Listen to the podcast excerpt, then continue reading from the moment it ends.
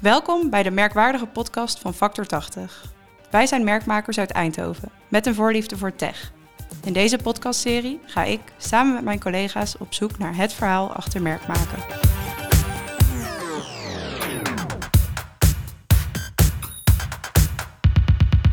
In een tijd waarin er veel meer vacatures openstaan dan er werkzoekenden zijn, waarin werkdruk fors stijgt en waarin werkzoekenden ook steeds kritischer worden, is employer branding belangrijker dan ooit. Want hoe trek je nou de juiste mensen aan? Waar begin je? En wat is de rol van marketing en communicatie? Ik bespreek dit vandaag met collega en na ruim 15 jaar merk maken ook zeker bekend op de arbeidsmarkt, Jeroen.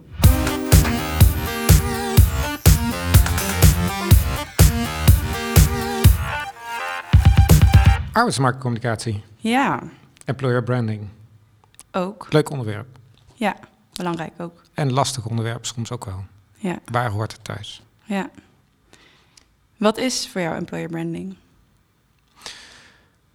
Ja, in, in de letterlijke zin van het woord is welk merk maak je naar de arbeidsmarkt? Mm. Eh, welk werkgeversmerk zet je in de markt? Maar ja, eigenlijk is dat wat mij betreft hetzelfde merk als wat je naar je klant toe ook bent. Ehm, het is denk ik je merk wat meer inzetten richting de markt van de werknemers Ja. dan richting de markt van klanten.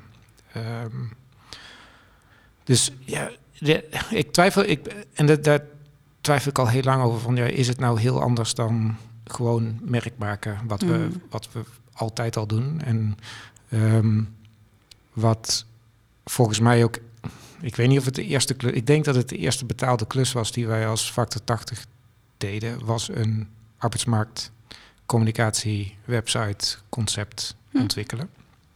En ik heb het eigenlijk nooit anders beschouwd als gewoon een merk bouwen.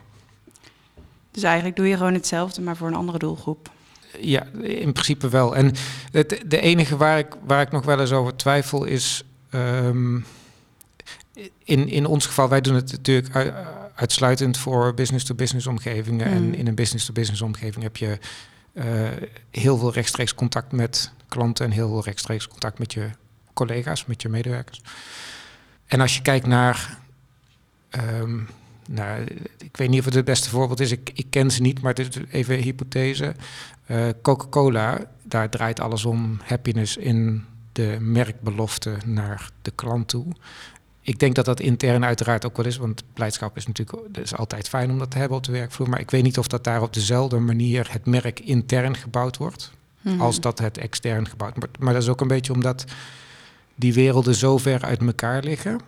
Van een blikje in het schap van de supermarkt en mensen die daar op kantoor of in de fabriek werken.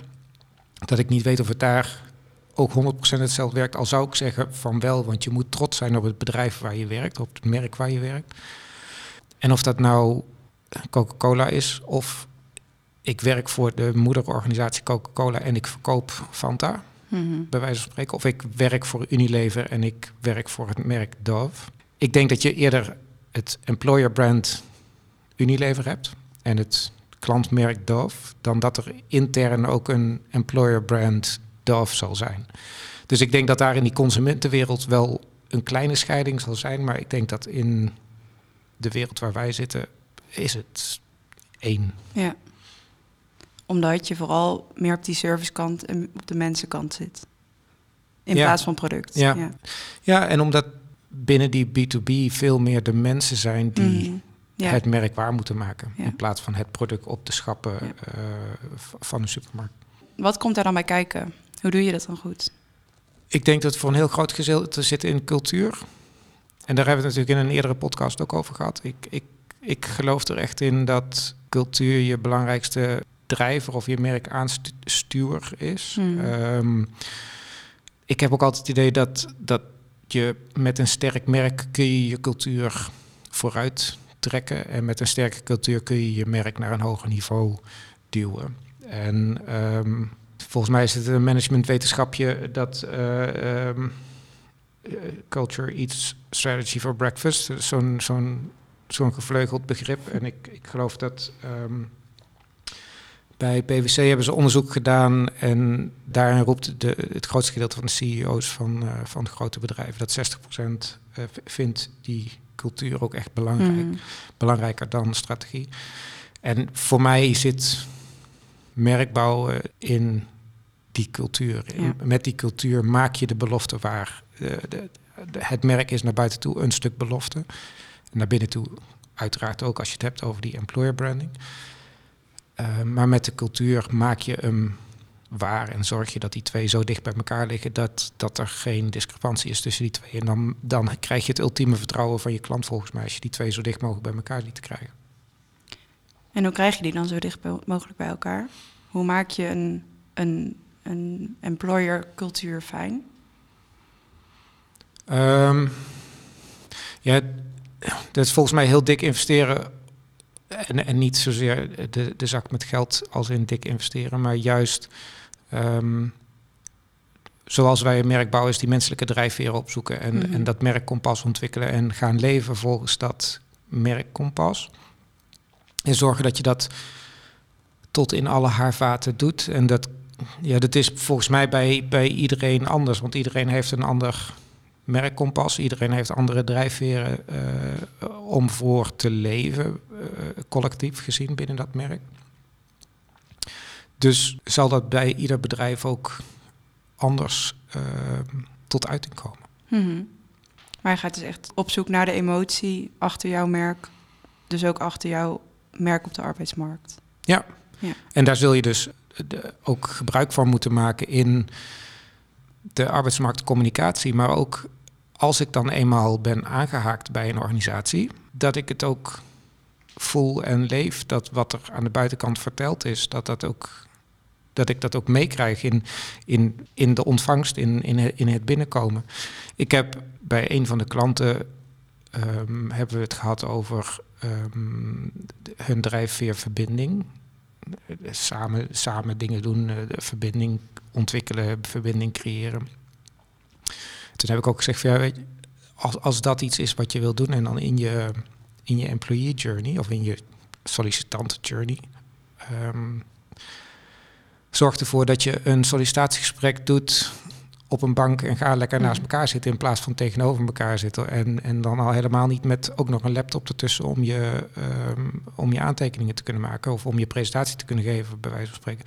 Daarmee creëer je allemaal barrières tussen twee mensen en kun je niet die verbinding voelen. En dat is, nogmaals, het zijn mini-voorbeeldjes om dat voor elkaar te krijgen. Maar bij een, bij een ander bedrijf, om een iets verdergaand voorbeeld aan te halen, daar was het samen dingen doen. De, de eenheid eh, voor elkaar zorgen was ook een hele belangrijke.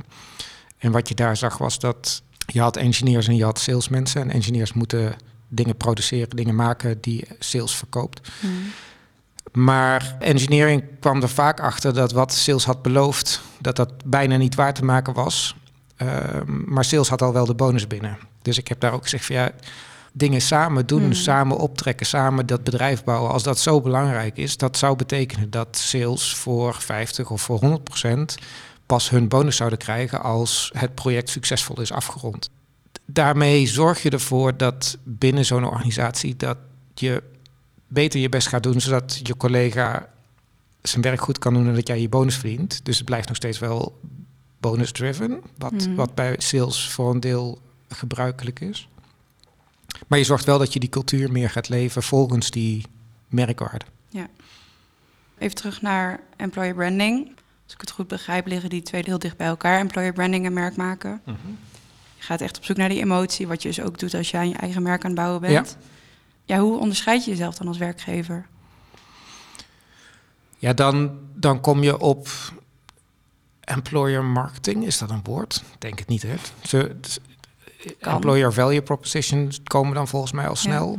Ehm, wat, je, wat je dan gaat doen is... ehm, we, we, we pakken hem altijd in, in de drie bollen die elkaar overlappen. Je hebt het merk, dat blijft wat het is. Mhm. Je hebt de wensen van je doelgroep. Ehm, en je hebt hetgeen wat je daadwerkelijk in de etalage hebt staan. Dus je, je productaanbod richting je collega's, je toekomstige collega's. En als je die drie met elkaar laat overlappen, dan heb je in, het, in, het, in de kern van die, ehm, van die drie bollen heb je je value proposition of je employer value proposition. Dus Mhm. je gaat kijken vanuit wat, wat, wat maakt mij in mijn merk uniek, wat, wat hebben we in de etalage staan en wat vraagt mijn doelgroep.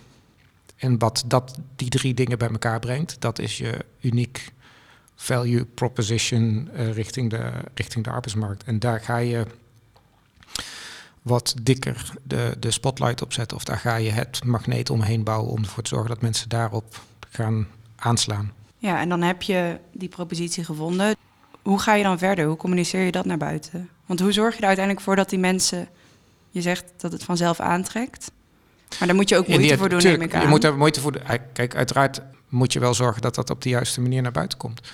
En de- de- ook dat zit weer op heel veel hele kleine dingetjes. En ook dat is. Die employer value proposition is niet alleen in je communicatie naar buiten toe, maar dat is ook wederom weer terug intern waarmaken. Hmm.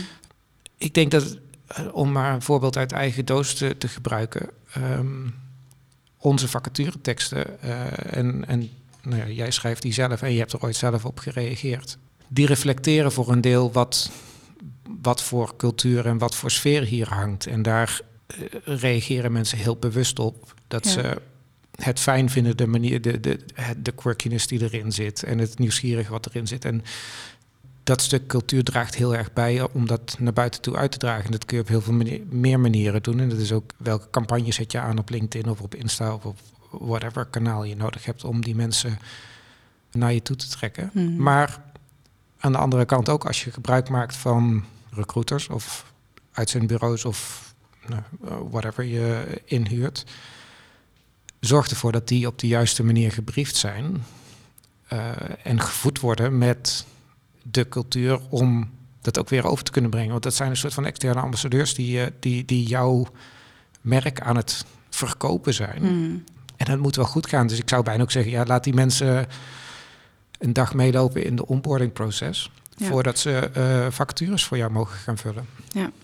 Dus eh, ook daar zijn volgens mij 25.000 wegen om dat op de juiste manier te doen. En het Mm. zit allemaal in die haarvaten. Dus ik, eh, en, en dan kom ik weer terug bij een employer brand maken is hetzelfde als een gewoon brand maken. Het, het zit tot in de haarvaten van je organisatie. Kun je dat doorvoeren, doen, regelen. Eh, het eerste bevestigingsmailtje van een sollicitant, doe je dat binnen 24 uur of eh, doe je het één keer per week?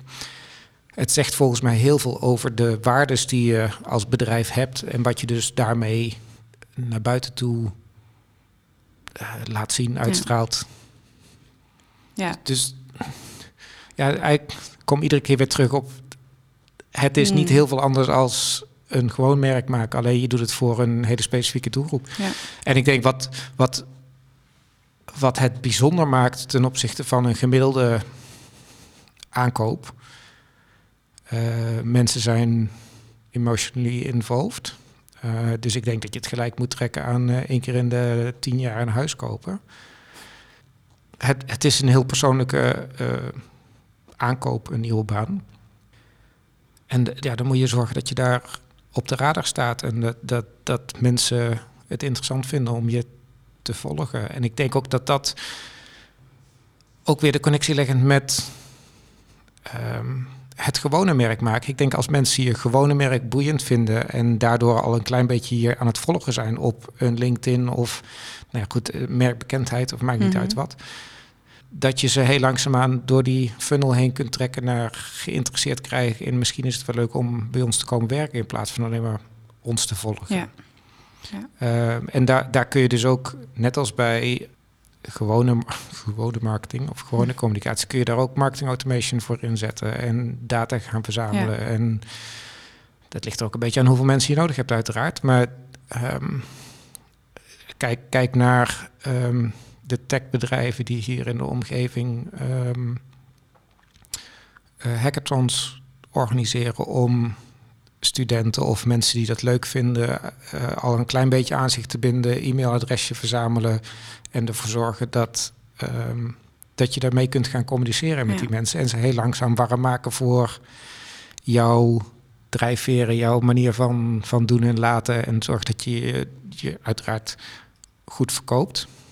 Maar dat, ja, dat kan ook met kleine stapjes. Het is niet per se. ehm, help, ik zoek nu een nieuwe baan, dus ik ga zoeken. Nee, het kan ook heel langzaamaan opwarmen zijn en eh, zorgen dat je die aantrekkingskracht gaat ontwik- ontwikkelen richting een specifieke nieuwe collega. Ja, dus het is echt een lange termijn investering, lange termijn relatie. En het gaat verder dan alleen even een vacaturetekst die aanspreekt. 100 procent. Ja. Ehm, en natuurlijk, het is altijd fijn als mensen ehm, je nog. Ik bedoel, als ik naar onszelf kijk, eh, relatief klein bedrijf, eh 20 mensen. De, de, wij hebben niet het volume van een ASML. en ook niet de bekendheid van een ASML. En dan zul je ongetwijfeld op, op Indeed of op LinkedIn een heleboel mens- mensen raken die de vacaturetekst als eerste zien, als eerste touchpoint. Maar goed, ik ga ervan uit dat ze de website gaan lezen, eh, socials even doorbladeren eh, ter voorbereiding op eh, wil ik hier werken, ja of nee. Dus ja, alles, alles speelt mee. En in Ja. Nederland gebruiken we Glassdoor niet zo heel veel, maar dat, dat zie je internationaal ook nog wel. Dat, dat reviews daarin steeds belangrijker worden. En niet de reviews van het bedrijf aan zich, maar ook de reviews van de, de, de CEO bij de organisatie. Hoe die, dus het, het speelt allemaal mee. En daarin is het bijna ook weer een gewoon merk. Ja. Ja, het, het is heel flauw, maar ik heb echt het idee dat, daar, dat je gewoon iedere keer weer op hetzelfde uitkomt. En ik vind het soms wel eens bijzonder dat, dat mensen die, die roepen dat dat arbeidsmarktcommunicatie of arbeidsmarktmarketing of arbeidsmarktmerk bouwen, dat dat echt iets anders is. Maar in principe is het dezelfde flow, dezelfde manier van werken om te komen tot hetzelfde resultaat. En dat is nieuwe collega's erbij Ja. krijgen. Ehm, en jij noemt net recruiters bijvoorbeeld als externe ambassadeurs. Is er ook nog iets als interne ambassadeurs? Want ik kan me voorstellen dat de rol van mensen die al in je organisatie zitten, je collega's, hier ook een bijzonder aandeel in spelen. Ja, hoort zegt het voort. Ik bedoel, ehm, dat is ook zo oud als, eh, als ik weet niet wat. Ehm, en dat, dat speelt nog steeds. En ik denk dat, eh, we noemen dat tegenwoordig employee advocacy. Hmm. Als je gaat kijken naar, en ook bij- uiteraard wederom in onze, in onze wereld, eh, is LinkedIn daarin de, de ultieme voorbeeld. Ja, als ik iets op mijn LinkedIn zet, dan eh, raak ik, eh, geen idee, eh, hoeveel mensen het zien, maar goed, ze- zeg 1200. Hmm. Ehm, als iedere collega het binnen Factor deelt, dan heb je 20 keer eh, gemiddeld 500 mensen die dat zien. Ja, dan blaast het ineens heel erg breed de, de, de, de wereld in. En eh, daarin kun je die, die schaal kun je zeker gebruiken. En ik, ik denk ook dat daarin, wat, wat ook langer bekend is, dat mens-tot-mens communicatie, dus die, die, die referent, om het maar zo te noemen, eh, ook nog belangrijker is voor de, de, de authenticiteit van het, van het bericht. Ehm, en dus is een klant nog belangrijker. Dus als je je klanten zo gek krijgt om je vacatures te delen, dan is het helemaal mooi meegenomen. Ehm, of je leveranciers. Maar voor het bereik is denk ik employer advocacy heel erg van belang als je goed bekend wil staan in de, in de, op de Ja. arbeidsmarkt. Ja. ja, helemaal eens. Heb jij één overkoepelend advies als het neerkomt op employer branding, arbeidsmarktcommunicatie, alles? Maak waar wat je belooft. Ehm, en beloof wat je wil waarmaken. Oh, dat is wel een hele flauw cliché. Maar nou, wat. En ik, ik moet denken aan, de, aan de, de gemiddelde factuurtekst. Want het is toch nog wel een beetje iets waar ik eigenlijk altijd wel een beetje. Niet een beetje tegenaan loop, waar ik tegenaan loop. Is Hmm. dan weet je dat je als merk een, een heel mooi sterk merk aan het bouwen bent met, ehm, met mooie drijfveren eronder, met mooie emotionele waarden eronder. En dan moet er een vacaturetekst komen en die moet per se passen binnen een een of ander systeem. Hmm. En daar moet per se in staan wat we allemaal wensen en CQ nog belangrijker wat we allemaal eisen van een kandidaat. En wat ik daar eigenlijk altijd als voorbeeld pak is, stel dat je het nou zou omdraaien en we gaan een BMW-advertentie voor een 3-serie gaan we omzetten naar een vacaturetekst van een gemiddeld bedrijf, dan zou er uh, ergens uh, linksbovenin zou er heel kleine fotootjes staan van uh, die nieuwe BMW die ik ga kopen. Met daaronder, als u deze BMW wil kopen, moet u minimaal 18 jaar zijn. U moet minimaal 45.000 euro op uw bankrekening hebben staan. U bent verplicht om een verzekering af te sluiten, wegenbelasting te betalen. En u moet hem enigszins uh, regelmatig naar het onderhoud brengen, want anders gaat hij het niet meer doen. Gaat iemand dan in godsnaam die stomme BMW nog kopen? Nee, natuurlijk niet. Nee. Dus we, we moeten het ook veel leuker maken om. Hmm. En nogmaals, niet, niet weggaan van de bedrijfscultuur. Je moet het niet leuker maken dan dat het daadwerkelijk is.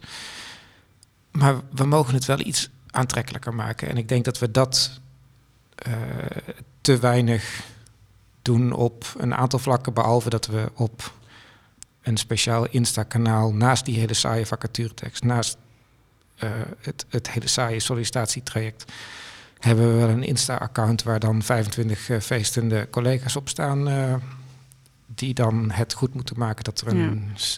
SUF sollicitatietraject naast loopt. Dus er is een hoop te optimaliseren. Ja.